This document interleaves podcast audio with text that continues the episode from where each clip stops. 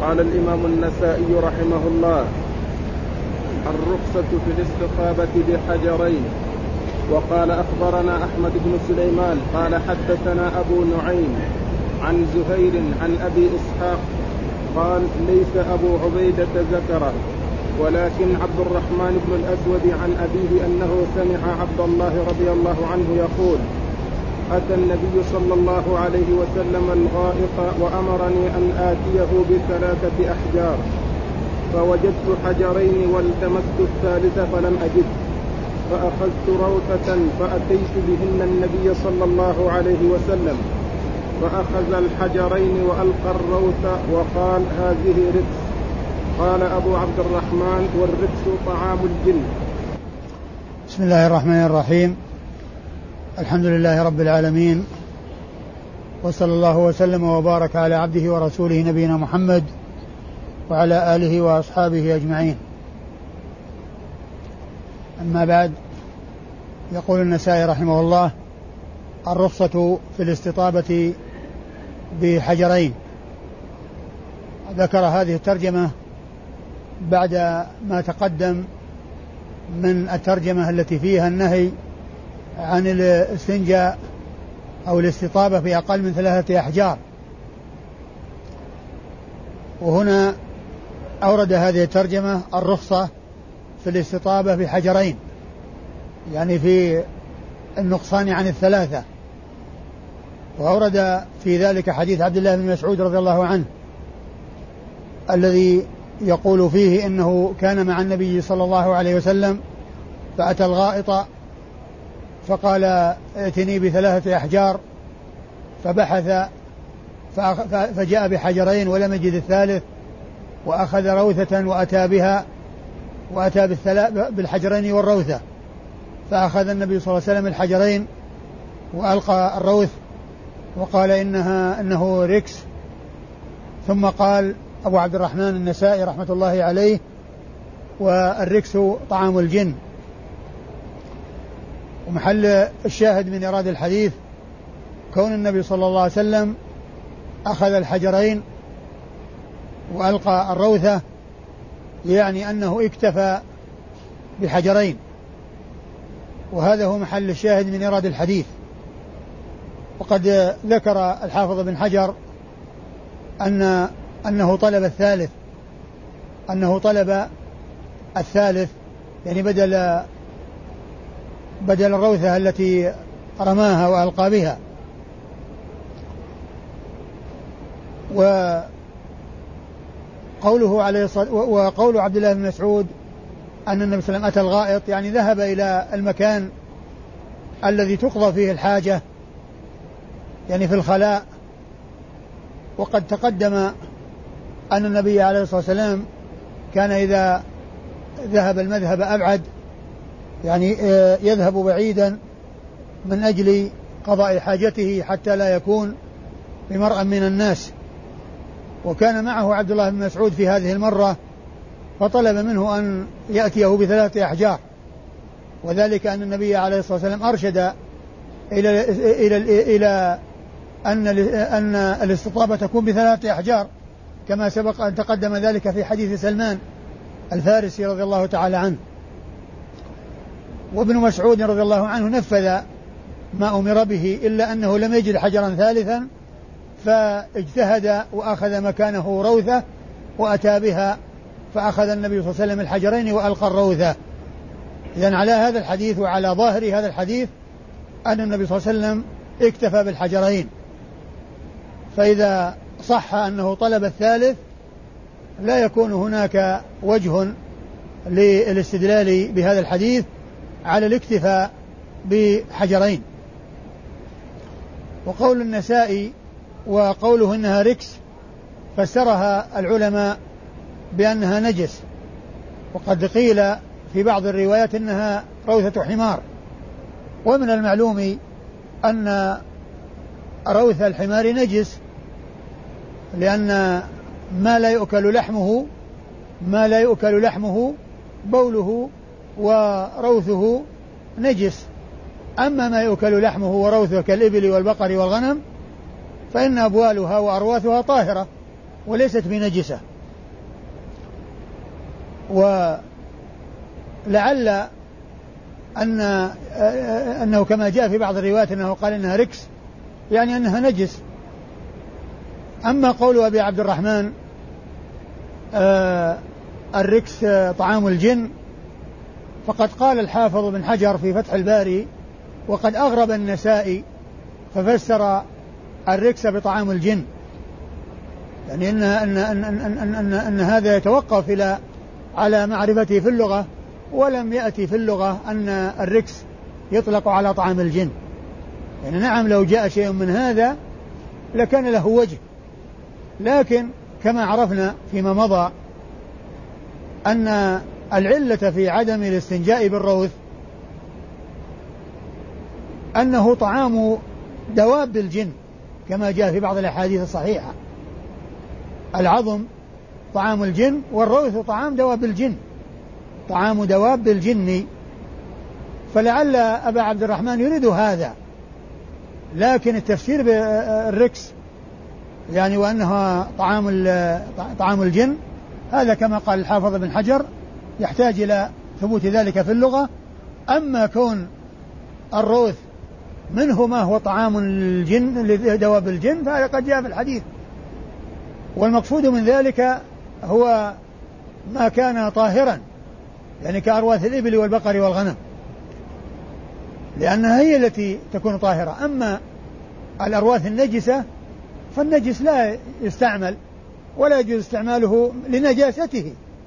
أما هذه الأرواث التي هي أرواث الإبل والبقر والغنم التي يؤكل لحمها وكذلك ما يؤكل لحمه فإن العلة فيها والحكمة فيها ما جاء في الحديث الصحيح أنها طعام دواب الجن. طعام دواب الجن كما جاء بذلك الحديث عن رسول الله صلى الله عليه وسلم. أما إسناد الحديث فيقول النسائي أخبرنا أحمد بن سليمان وأحمد بن سليمان هذا هو الرهاوي أحمد بن سليمان بن عبد الملك أبو الحسين الرهاوي نسبة إلى رها وهي بلد وقد وهو ثقة حافظ كما قال ذلك الحافظ بن حجر ابن حجر وحديثه عند النساء فقط لم يخرج له من أصحاب الكتب إلا النسائي فهو أحد شيوخ النسائي ولم يخرج له من الأئمة الست الباقين غيره لم يخرج لم يخرج غيره. فهو الذي خرج وحده عنه فهو من رجال النساء فقط. وشيخه شيخ أحمد بن سليمان أبو نعيم. وأبو نعيم هو الفضل بن دكين. الفضل ابن دكين الكوفي وهو ثقة حافظ ثقة ثبت من الحفاظ الأثبات وهو من كبار شيوخ البخاري من كبار شيوخ البخاري ولهذا لم يدركه النسائي لأن من الشيوخ من روى عنه أصحاب الكتب الستة البخاري ومسلم وأبو داود والترمذي والنسائي وابن ماجه.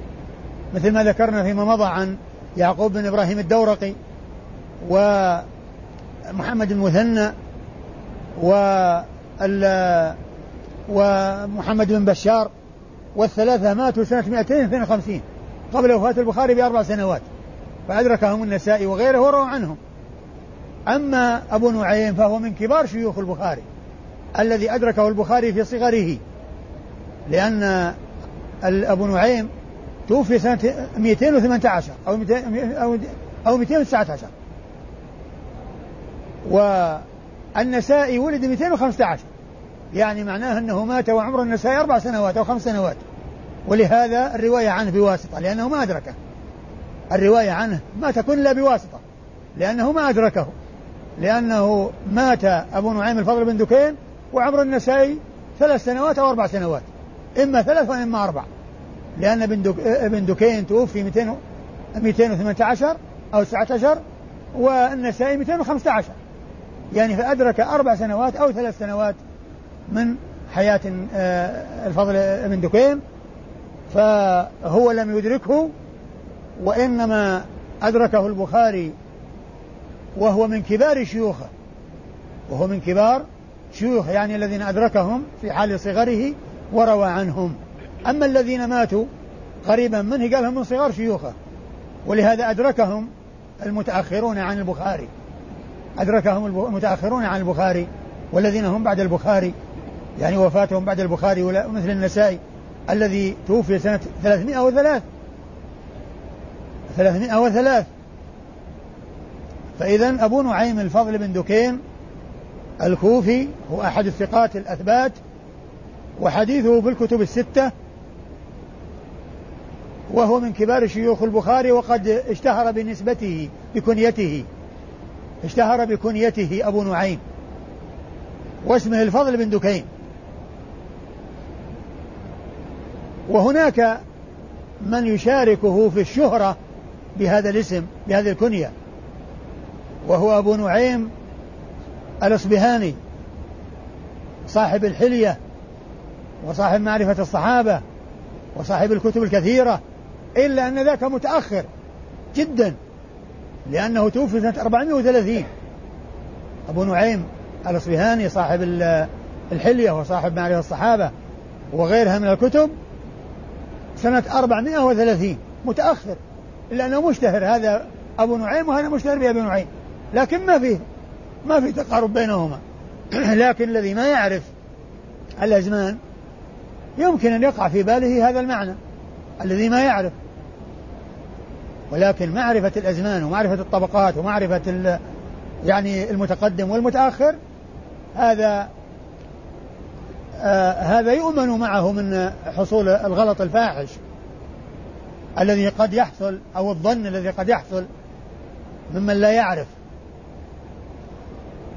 وأبو نعيم الفضل بن دكين شيخ البخاري ما عيب عليه شيء إلا أنه يتشيع. عيب عليه أنه يتشيع. هذا هو الذي عيب عنه عليه. ولهذا لما أورد الحافظ بن حجر في مقدمة فتح الباري الأشخاص الذين تكلم فيهم من رجال البخاري وهو ذكرهم على حصول حروف المعجم وأجاب عن الانتقاد الذي انتقد إليهم بأنواع من الأجوبة. إما أن يكون الشخص مثلا تكلم فيه في شخص وهو حديثه في البخاري ليس عن الشخص المتكلم فيه أو أنه آه يعني شورك وأنه لم ينفرد مثلا بالرواية أو لغير ذلك من الأسباب. لكن الذي قاله عن الانتقاد عن في الفضل بن دكين أبو نعيم قال لما ذكره وذكر الثناء عليه وقال الثناء عليه يكثر قال وما وما عيب عنه وما عيب عليه إلا أنه يتشيع. قال ومع ذلك فقد صح عنه أنه قال ما كتبت علي الحفظة أني سببت معاوية. ما كتبت علي, علي الحفظة أني سببت معاوية. يعني معناه أنه حفظ لسانه عن أن يتكلم بمعاوية. ومن المعلوم أن الرافضة والشيعة من السهل أو أسهل الأشياء عليهم أن يتكلموا بمعاوية. الكلام في معاوية هذا سهل ميسور حتى الزيدية الذين يقال أنهم أعقل الشيعة من السهل عليهم القدح في معاوية والكلام في معاوية. من السهل عليهم القدح في معاوية والكلام في معاوية. وهذا الذي قدح فيه بأنه يتكلم في معاوية بأنه يتكلم أنه يتشيع جاءت عنه هذه العبارة الجميلة وهي قول الحافظ بن حجر عنه ومع ذلك فقد صح عنه أنه قال ما كتبت علي الحفظة أني سببت معاوية. الملائكة اللي تكتب الحسنات والسيئات الذين يكتبون الأقوال ما يصدر من قول لديه رقيب عتيد ما كتبت علي الحفظة أني سببت معاوية. هذا يدلنا على سلامته من هذا الذي وصف به وهو التشيع. لكن لعل التشيع الذي وصف به من قبيل تفضيل علي على عثمان. وهذه المسألة جاءت عن بعض السلف وعن الأئمة عن أئمة كبار ومثل هذا لا يقدح في الرجل ولا يبدع من يقول به. لا يبدع من يقول به. ولهذا ذكر آه، شيخ الإسلام ابن تيمية في آخر الفتوى في آخر الواسطية قال إن أن أن, أن, أن تقديم علي على عثمان في الفضل لا يبدع من قال به. يعني ليست من المسائل التي يبدع بها. وإنما الذي يبدع بها من قال إنه أحق منه بالخلافة. من قال منه أنه أحق بالخلافة لأن هذا اعتراض على الصحابة الذين قدموا عثمان على علي. أما أن يقدم علي على عثمان في الفضل فمن المعلوم أن الولاية لا يلزم فيها أن يقدم الفاضل على المفضول بل يمكن أن يقدم المفضول مع وجود الفاضل. لمعنى يقوم في الفاضل من حيث تدبير الأمور وسياسة الأمة لخبرته ولمعرفته بالسياسة والإمارة قد يقدم من هو مفضول على من هو فاضل. فأما أما العيب والقدح والذي يبدع من يقول به هو تقديمه عليه بالخلافة. يعني معناه أن الصحابة الذين اتفقوا عليه معناه أن كلامهم أن فعلهم غلط. معناه أنهم آه أنهم مخطئون وأنهم أجمعوا على خطأ. وهذا وهذا يعني وهذا لا شك أنه أمر قبيح. فلعل ما نقل عنه أو ما ذكر عنه من هذا القبيل وهذه الكلمة التي ذكرها عنه الحافظ بن حجر في مقدمة فتح الباري كلمة عظيمة تدل على سلامته في هذا الباب لأن الشيعة من السهل عليهم ومن أسهل الأشياء عليهم أن يتكلموا في معاوية. ولهذا يقولون معاوية يعتبر آه يعني آه كالوقاية لأصحاب الرسول لأن من اجترى عليه خلاص يجترى على على غيره.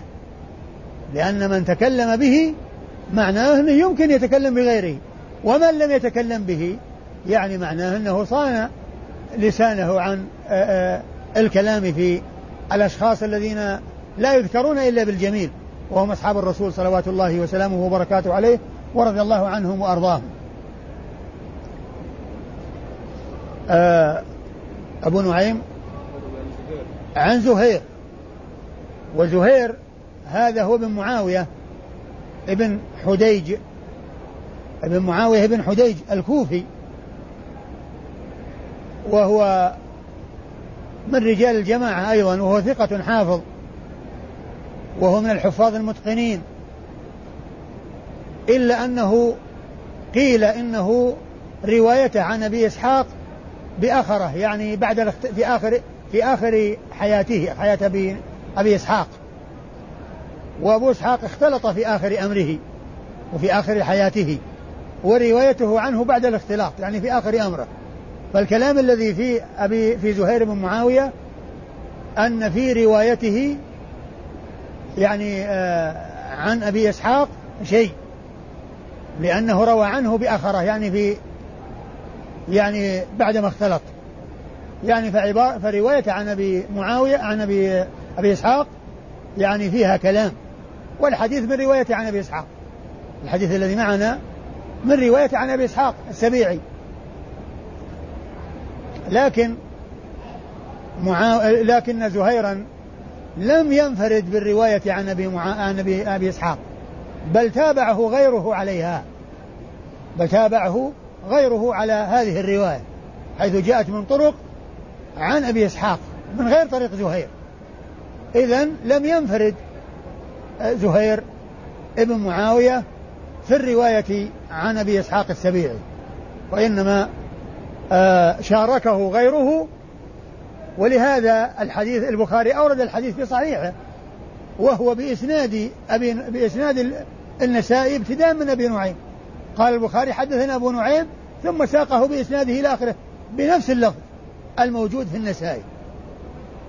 البخاري في يعني في صحيحه قال حدثنا أبو نعيم حدثنا زهير عن أبي إسحاق ليس ليس أبو عبيدة ذكره ولكن عبد الرحمن بن الأسود عن أبيه عن عن عن ابن مسعود. إلى آخر الحديث. بنفس اللفظ الذي ساقه به النسائي إلا أن النسائي كما هو معلوم ما أدرك أبا, أبا, أبا نعيم فرواه عنه بواسطة أحمد بن سليمان الرهاوي. بواسطة أحمد بن سليمان الرهاوي. وإذا فرواية أبي زهير عن أبي إسحاق وكونها بعد اختلاط أبي إسحاق لا يؤثر ذلك لأنه لم ينفرد. بهذه الرواية بل شارك آه، أبا شارك زهيرا غيره من الذين أخذوا عن أبي إسحاق.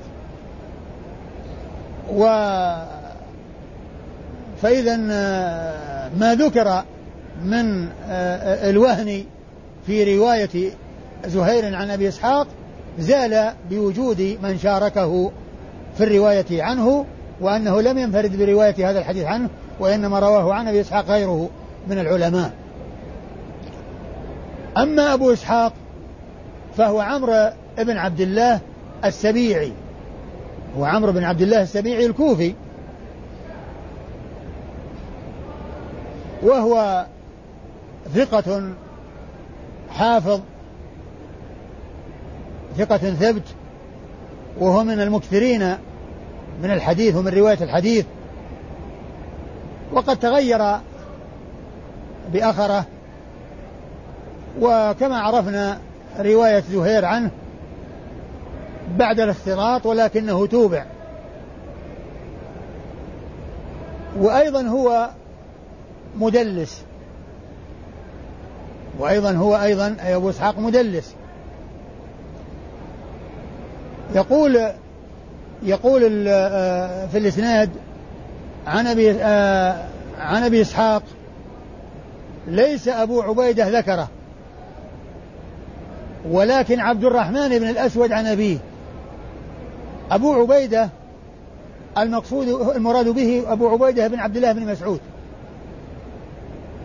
وأبو إسحاق يروي هذا الحديث من طريق أبي عبيدة عن أبيه ومن طريق عبد الرحمن بن الأسود عن أبيه الأسود عن ابن مسعود.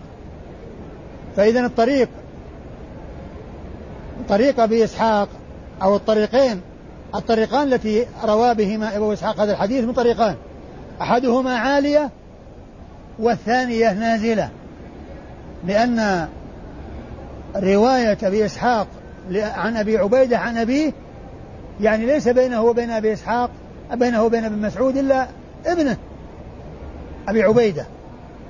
أما رواية عن عبد الرحمن الأسود ابن أسود ففي بينه وبين مسعود اثنين عبد الرحمن الأسود وأبوه الأسود. فالأولى عالية والثانية نازلة إلا أن الأولى منقطعة لأن أبا عبيدة لم يسمع من أبيه. أبا عبيدة لم يسمع من أبيه. على خلاف بين العلماء ويقول حافظ بن حجر الراجح أنه لم يسمع من أبيه. وعلى هذا تكون رواية منقطعة. فلما كان أبو إسحاق يروي الحديث من طريقين ذكر الطريق الأولى ثم أضرب عنها بذكر رواية عبد الرحمن لأن رواية أبي عبيدة منقطعة فهي مع علوها أضرب عنها في الرواية يعني في هذا الحديث أو في هذا الإسناد وانتقل إلى الرواية التي هي متصلة ولا انقطاع فيها. وهي رواية أبي إسحاق عن عبد الرحمن بن الأسود عن أبيه عن ابن مسعود. قال ولكن عبد الرحمن يعني ذكره لي. يعني ليس أبو عبيدة ذكره لي. يعني الآن في رواية هذا الحديث وإن كان ذكره في طريق أخرى أو في حديث آخر أو من طريق آخر لكنه هنا لا يريد أن يروي الحديث من طريق أبي عبيدة وإن كانت عالية وأضرب عنها إلى طريق عبد الرحمن بن الأسود المتصلة وإن كانت نازلة. المتصلة وإن كانت نازلة. فأبو عبيدة هذا ثقة وهو لم يسمع من أبيه وحديثه في السنن الأربعة في كتب السنن الأربعة. يعني ليس له رواية في البخاري وإنما هنا ذكر ذكرا لأنه قال ليس أبو عبيدة ذكر إذا هو ليس من رجال الإسناد الذين يسند إليهم الحديث هذا وإنما الذي يسند إليه في الحديث هذا عبد الرحمن بن الأسود لأن قوله ولكن عبد الرحمن الأسود يعني هو الذي ذكر لي هذا الإسناد أو ذكر لي هذا الحديث. فأبو عبيدة من رجال أصحاب السنن أما عبد الرحمن بن الأسود الذي يروي عنه أبو عبيدة الذي يروي عنه أبو إسحاق. آه، أبو إسحاق قلنا أنه مدلس. وهنا الرواية ب... ليست بالتحديث. لكن البخاري رحمه الله لما ذكر الحديث أورد طريقا أخرى من طريق إبراهيم بن يوسف ابن أبي إسحاق يروي عن أبيه عن أبي إسحاق قال حدثني عبد الرحمن فصرح بالتحديث بالطريقة الثانية التي أوردها البخاري بعدما أورد هذه الطريقة. يعني البخاري أورد طريقا معلقة يعني من طريق إبراهيم بن يوسف ابن أبي إسحاق عن عبد الرحمن ولكنه قال حدثني عبد الرحمن. يعني يقولها بإسحاق فإذا صرح بالتحديث في هذه الطريقة الأخرى التي ذكرها البخاري بعد بعد هذه الطريق بعد هذه الطريقة التي هي موافقة للطريقة التي ذكرها النسائي هنا. أما عبد الرحمن بن الأسود فهو عبد الرحمن بن الأسود بن يزيد آه، عبد الرحمن بن يزيد بن عبد الرحمن بن الأسود بن يزيد بن قيس النخعي وهو أخو آه آه لا آه هو أخو الأسود نعم؟ نعم أخو الأسود. أخو الأسود بن يزيد. أخو الأسود بن يزيد الذي سبق أن مر بنا ذكره الذي يروي عنه إبراهيم النخعي. إبراهيم النخعي يروي عن الأسود؟ الأسود؟ وعبد الرحمن هما خالان لإبراهيم النخعي. ويروي ويروي عنهما. والأسود يروي عنه أخوه عبد الرحمن أيضا كما ذكروا في ترجمته. في ترجمته قال يروي عنه أخوه عبد الرحمن وابنه لا هذا هذا عبد الرحمن بن الأسود بن يزيد. عبد الرحمن عبد عبد الرحمن بن يزيد أخو الأسود بن يزيد. يعني أنا عبد الرحمن اثنين أخو الأسود وابن الأسود. الذي معنا ابن الأسود. والذي سبق أن مر بنا عبد الرحمن بن يزيد أخو الأسود بن يزيد. والأسود بن يزيد يروى عنه أخوه عبد الرحمن ويروي عنه ابن عبد الرحمن كما هنا. هنا يروي عنه ابن عبد الرحمن. ويروي عنه ابن أخته إبراهيم النخعي. وإبراهيم النخعي يروي عن خاليه الأسود عبد الرحمن. وعبد الرحمن والأسود وعبد الرحمن سبق أن مر بنا وأما عبد الرحمن بن الأسود فهو يأتي لأول مرة. عبد الرحمن بن الأسود ابن يزيد يأتي ذكره هنا لأول مرة وهو يروي عن أبيه. وهو ثقة ثبت وهو من رجال الجماعة. ثقة ثبت ومن رجال الجماعة. آه عن أبيه الأسود بن يزيد ابن قيس النخعي. وهو من المخضرمين. وقد سبق أن مر ذكره وهو محدث فقيه. هو محدث فقيه يروي عن كبار الصحابة. لأنه من المخضرمين. يعني أدركوا الجاهلية وأدركوا الإسلام ولم يروا النبي صلى الله عليه وسلم. إذا هذا الإسناد آه، أحمد بن سليمان الرهاوي عن زهير بن معاوية بن حدي الكوفي عن عن أبي نعيم الفضل بن دكين الكوفي عن زهير بن معاوية بن حدي الكوفي عن أبي إسحاق السبيعي الكوفي عن عبد الرحمن بن الأسود وهو كوفي وعن الاسود عن أبيه الأسود وهو كوفي وعن ابن مسعود وهو كوفي فكل رجاله كوفيون إلا أحمد بن سليمان شيخ النسائي فإنه رهاوي. قال باب الرخصة في الاستطابة بحجر واحد. وقال أخبرنا إسحاق بن إبراهيم قال أخبرنا جرير عن منصور عن عن هلال بن يسار عن سلمة بن قيس رضي الله عنه عن رسول الله صلى الله عليه وسلم أنه قال إذا استجمرت فأوتر. ثم ورد النسائي الترجمة وهي باب باب الرخصة في الاستطابة بحجر واحد. أورد النسائي تحت هذه الترجمة حديث سلمة بن قيس. إذا استجمرت فأوتر. أخذ هذا من أن أقل الوتر واحد. أقل الوتر لأن قال استجمرت فأوتر. وأقل الوتر واحد. إذا فيشمله عموم هذا الحديث. إذا استجمرت فأوتر. يعني الوتر أقله واحد. أقل الوتر واحد. واحد ثلاثة خمسة سبعة هذه الأوتار. فأقل الوتر واحد وأخذه من هذه من هذه الناحية أو من هذا الوجه. إذا استجمرت فأوتر يعني إذا أخذ الحجارة ليستجمر بها فإنه يوتر يعني بواحد أو ثلاثة أو خمسة. وقد جاء في حديث سلمان المتقدم أن لا يستنجي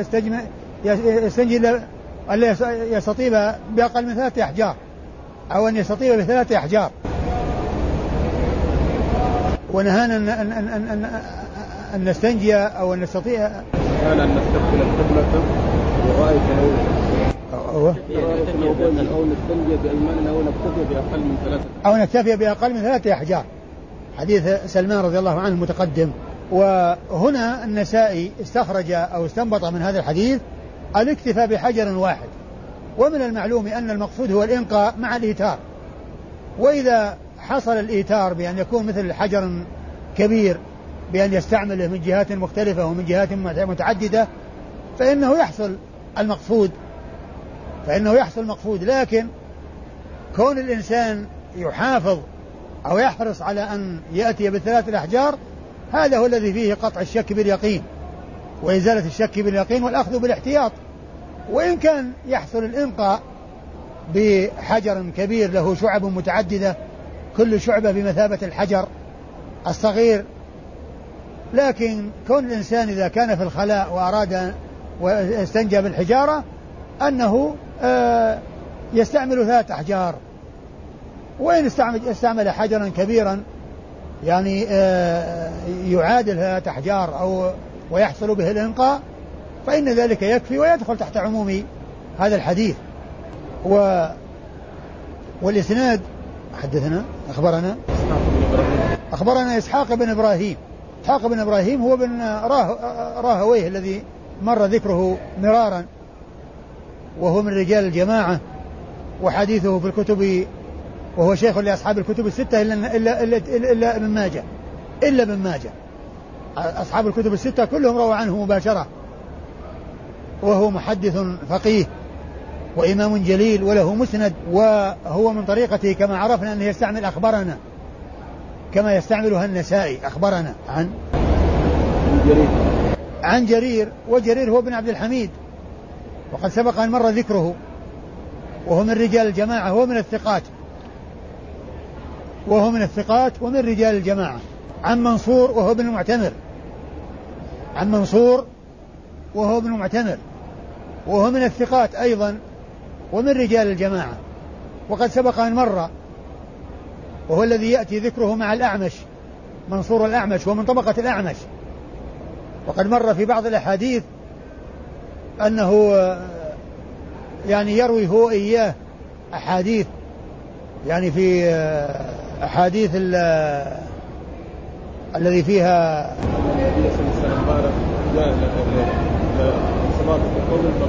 نعم. يقول يعني أن النبي صلى الله عليه وسلم مشى إلى سباطة قوم نعم إلى سباطة قوم. ويعني آه، أحدهم ذكر أنه قال سليمان. قال سليمان أنه مسح على خفيه ولم يذكر منصور المسح ولم يذكر منصور المسح فهو فهو من طبقة الأعمش. ويعني وقد جاء ذكرهما معا في بعض الأحاديث المتقدمة. وهو من رجال الجماعة وهو من الثقات. عن هلال بن يساف. عن هلال بن يساف. وهلال ابن يساف هذا ثقة وروى له البخاري تعليقا وروى له مسلم والأربعة. وروى له مسلم والأربعة أصحاب السنن. أيوة عن عن سلمة الصحابي. عن سلمة بن ابن قيس الصحابي. وأصحاب رسول الله صلى الله عليه وسلم لا يسأل عنهم ويكفي كل واحد منهم أن يقال أنه صحابي ولا يحتاج بعد ذلك إلى أن يتكلم فيه بشيء لأنه ليس هناك وصف أفضل من هذا الوصف ولهذا لا يحتاج معه إلى غيره بأن يقال هو ثبت أو حافظ أو ما إلى ذلك لا يحتاج إليه. نعم إذا كان له يعني آه، آه، بعض الصفات التي يتميز بها أو ما إلى ذلك يمكن أن تذكر. أما من ناحية التعديل لا يحتاج أحدهم إلى تعديل بعد أن أثنى الله عليهم ورسوله صلى الله عليه وسلم. وله سبعة أحاديث. له سبعة أحاديث. وخرج حديثه أبو داود والترمذي أبو داود والنسائي وابن ماجه. أبو داود والنسائي وابن ماجه هؤلاء هم الذين هم الذين خرجوا. داود ها؟ عندك الترمذي والنسائي. الترمذي والنسائي الترمذي والنسائي وابن ماجه نعم. الترمذي والنسائي وابن ماجه. هؤلاء هم الذين خرجوا حديث سلمة بن قيس رضي الله تعالى عنه. والله أعلم وصلى الله وسلم وبارك على عبده ورسوله.